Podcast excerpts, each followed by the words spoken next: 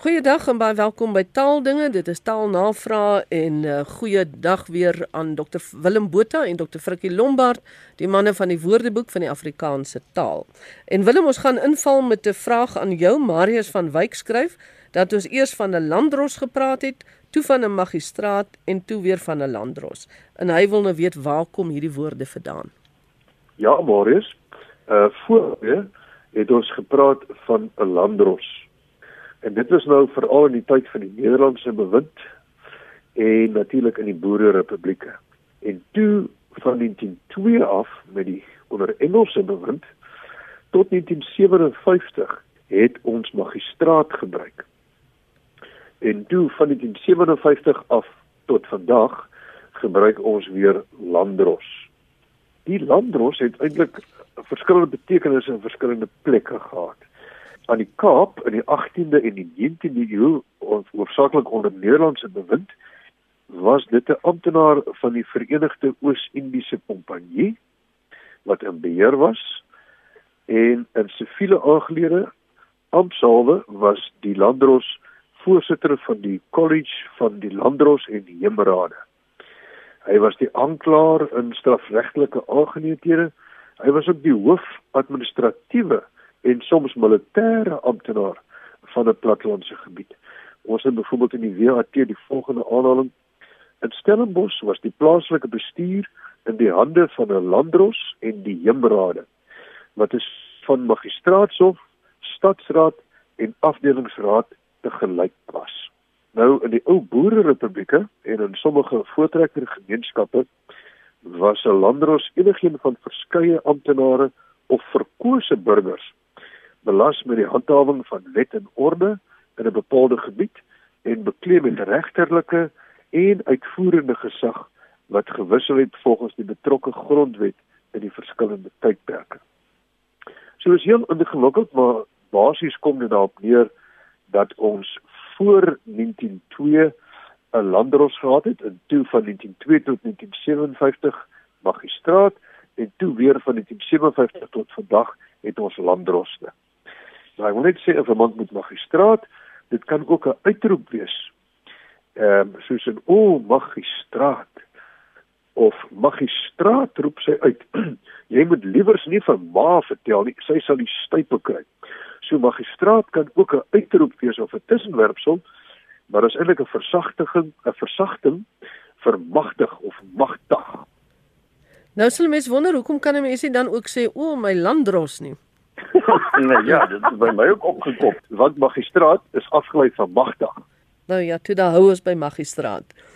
Frikkie, waar kom ons aan die woord bek af? Vra Ilse Groenewald. Nou wat interessant is, ons ken dit eintlik meer in die betekenis van uh teleurgestel, neerslagtig, verneergedruk.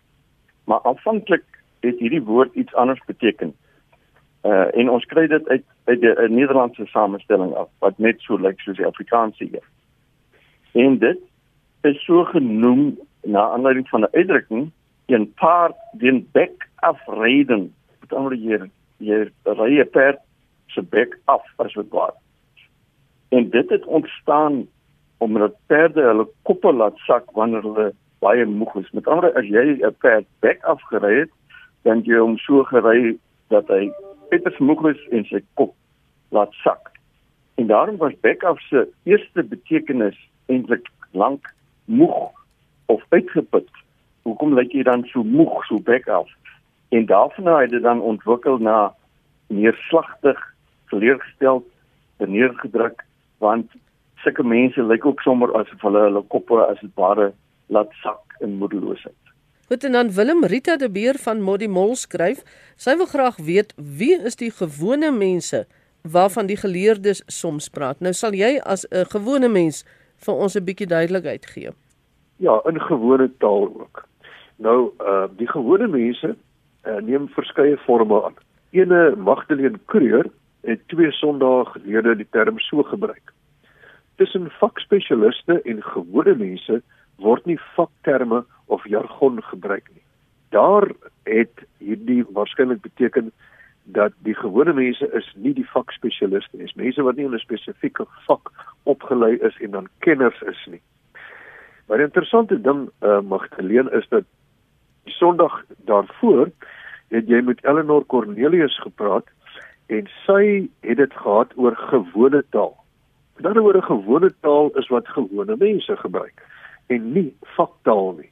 Toe het jy gepraat met 'n met 'n baie interessante onderwyser van Tilbag wat besluit het om gewone woorde vir die gewone mense in sy klas te gebruik en nie faktaal nie. Hy het byvoorbeeld gepraat van die sterrestelsel en nie die galaksie nie, van 'n ontvanger en nie 'n reseptor nie. Met ander woorde hier is 'n gewone mens 'n leek ten opsigte van 'n vakgebied.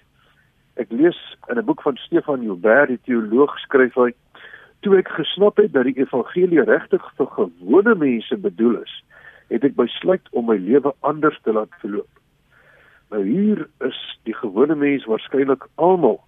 Die evangelie is vir almal. Dis nie vir die uitverkorenes, vir die godgeleerdes nie. Oor die radio hoor ek gewone mense in die strate en in die woonbuurte dra getrou hulle maskers. Nou hier is dit gelyk aan Jan en Alleman, die man in die straat, Jan Burger. En dan 'n taalkundige het eendag gesê, as jy die spelreëls te veel of te dikwels verander, neem jy die gewone mens se kennis van hom weg. Nou hier is dit weer eenvoudig die nie vakkundige, die leek. So die gewone mense is die mense sonder opvallende eienskappe, die mense wat nie uitstaan as die bevoorregtes of die buitengewoon begaafdes nie of die superrykes nie, amper half die gemiddelde mens. So dit het eintlik maar 'n uh, uitdrukking geword om te onderskei tussen die verskillende mense. Jy sal nou byvoorbeeld die geleerde wees en ek is die gewone mens. Wanneer dit kom nou by die taal. Partykeer kan mens maar sê 'n aanwendsel. Goed, Frikkie, wat beteken die doem in opdoem? Wil Wilko Derksen weet. Ja, dit is eh uh, Wilko, dit is 'n uh, 'n woord wat ons maar weer eens uit soveel woorde van ons kry ons uit Nederlands uit. En hierdie kom ook uit die Nederlandse werkwoord opdoemen en daardie doemen is 'n afleiding van 'n Middelnederlandse woord naamlik doem wat weer 'n wisselvorm het doem wat beteken damp of wasem. Met ander woorde as iets voor jou opdoem, dan is dit as dit ware asof dit uit 'n nuwelerige omgewing of 'n mis of 'n damp verskyn. Jy weet die kasteel wat voor jou opdoem, dan sien jy hom as dit ware so deur 'n wasigheid.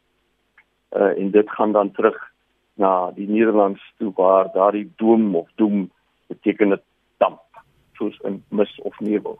Baie dankie Frikkie. Willem, wat is die verskil tussen Arabiese en Romeinse syfers? Vra Kobus Adrianse. Ja, dankie Kobus. Nou Arabiese word dikwels teenoor Romeinse syfers gestel. Nou die Arabiese syfers is die gewone syfers wat ons almal ken van 0 tot 9. En ek sal altyd onthou, ek was 'n ietwat van 'n ontembare seentjie. En toe ek skool toe is, kon ek nie die tyd lees, kon nie die horlosie lees of enige syfers of letters maak nie. Maar op die eerste dag graad 1 op sub A soos ons gesê het, roep die juffrou 'n paar van ons vorentoe en ons moet nou syfers op die bord maak, op die swart bord, met 'n 8 maak.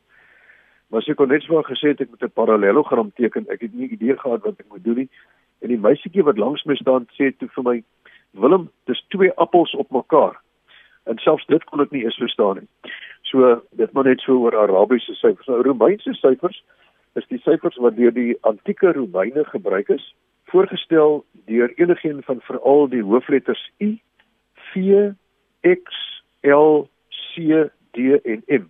'n U staan vir 1, hoofletter V staan vir 5, X staan vir 10, hoofletter L staan vir 50, hoofletter C staan vir 100, hoofletter D staan vir 500 en M staan vir 1000. Ons kry hierdie gebruik van hierdie Romeinse syfers nog by die aanduiding van bladsye, byvoorbeeld die eerste paar bladsye voorheen met die werklike inhoud van 'n boek kom word gewoonlik met die klein lettertjies, klein letter U, V en X gebruik vir een. Maar jy kry dit ook nog vandag in 'n pos, ons byvoorbeeld sê pos Pius 3, dan is dit nou in Romeinse syfers. En natuurlik datums, is bietjie pretensieus deesdae om die datum waarop opgerig is in Romeinse syfers te gee, maar natuurlik in die Romeinse tyd was dit algemeen. Voorop die gebou was die datum in Romeinse syfers en dan ook nog as ek gesê het Augustus het hierdie gebou opgerig. Nou as ons nou byvoorbeeld kyk na 1968 dan sal dit bestaan uit 'n M wat die 1000 is, die 1 van 1968 en dan die 19 die 900 sal aangedui word deur 'n C en 'n M.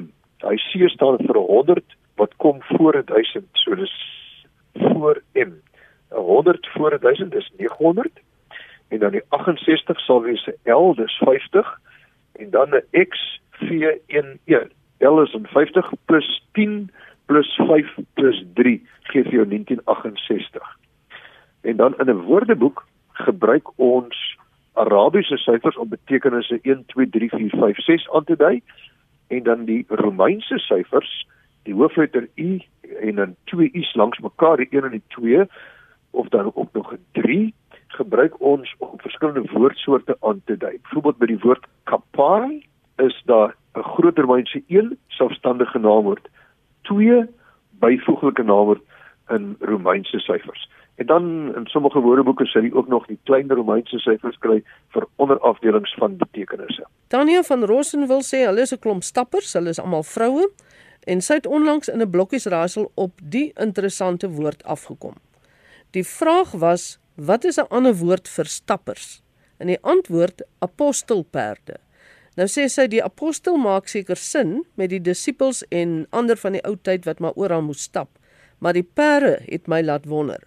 Was hulle soos 'n perd wat die nuus of boodskappe van een dorp na die ander moes dra of is daar 'n ander verklaring of verduideliking? Ehm um, ja, Tanya, die ek weet nie van die die stappers wat presies met die stappers bedoel word daar nie, word daar bedoel mense wat stap, want dan sit vir my taamlik raar. As daar be, bedoel word die stappers is jou voete, dan uh, is dit meer in die kol, want apostelperde is maar 'n skertsende benaming vir die voete as 'n loopwerktuig of 'n vervoermiddel. Ons kry so iets, hy het hier aangekom so vinnig as wat sy apostelperde hom kon dra. So vinnig as sy voete hom kon dra. Of as jy op die apostelperde ry, dan ry jy maar te voet, soos wat die eerste apostels gedoen het. Uh met ander woorde, jou voete was maar as dit ware soos 'n perd 'n vervoermiddel was, was jou voete die vervoermiddel. En ons kry dit net so in Nederlands ook, hulle praat ook van apostelpaarden en dan is dit maar jou voete wat jy inspann om iewers heen te gaan. Willem Magda Botha vra hoekom ons van 'n kaland praat as ons net sowel van 'n fabond kan praat. Ja, kaland en 'n fabond is maar baie naby aan mekaar. Ek sien dat in sommige woordeboeke sê hulle 'n kaland is 'n geslepe vent of 'n fabond. Ek dink die verskil lê meer in die herkoms. Nou die kalant kom uit Frans chaland wat kom van caloir wat beteken om sterk geïnteresseerd te wees in iets, om baie geïnteresseerd te wees. En dit kom nou weer uit die Latyn calere wat beteken om warm opgewonde te wees. So dit is die herkoms en dan interessant genoeg, kalant het dieselfde herkoms, hy kom van dieselfde woord as klant. En 'n klant is iemand wat gereeld iets koop by iemand of wat van iemand se dienste gebruik maak. En hy het presies dieselfde herkoms. Met ander woorde, dit kom uit uit Frans caloir om baie geïnteresseerd te wees in iets, maar dan weer terug aan na Latyn calere om warm of opgewonde te wees. En dan fabond.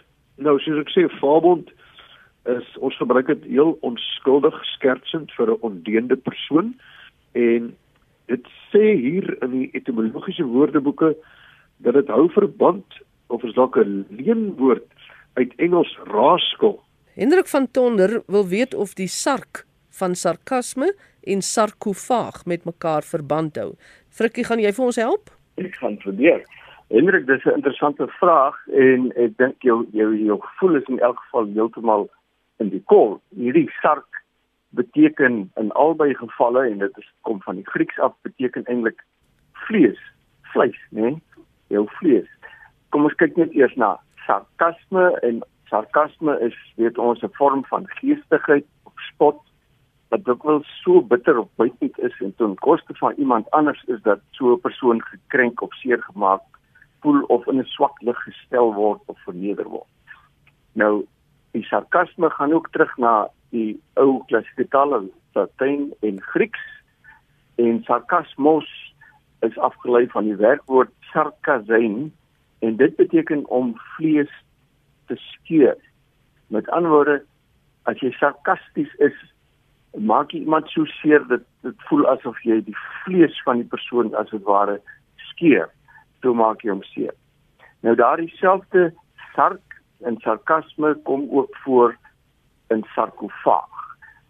Nou sarkofaag is natuurlik 'n doodkus van marmer of klip of iets soortgelyks, gewoonlik ook met inskripsies en grafeerwerk versier. Dit kom uit uh, Latyns sarcophagus en Grieks sarcophagos en daardie sark is dan ook vlees en die vaag gedeelte kom van 'n werkwoord vagen wat beteken om te eet. 'n Sarkofaag is dus eintlik die eter van 'n lijk of 'n op 'n lijkverslinder. Nou dit klink eintlik 'n bietjie makaber, maar dit is na aanleiding van die feit dat die soort steen wat destyds gebruik is, was ook 'n soort kalksteen om hierdie sarkofage van te maak, hierdie doodkiste van te maak, sou volgens oorlewering die vinnige ontbinding van liggawe uh, meebring. Ek dink nou aan 'n bekende sarkofaag by die Voortrekker Monument. En op 16 hmm. Desember 12:00 die middag dan skyn die son as die son in die dag ja. skyn presies daarop. Ja, is, baie ja. interessant. Ek wil nog eendag uitvind hoe hulle dit nou so wiskundig uitgewerk het. Ja, dit is nogal ongelooflik. Willem Wimper en Wimpel en Bewimpel klink vir my nie of dit dieselfde oorsprong kan hê. Is dit so vir jou ook? Vir jou as gewone mens? Ja, dit, dit klink so maar ehm um, daar is eintlik 'n uh, weinig verband of geen verband nie.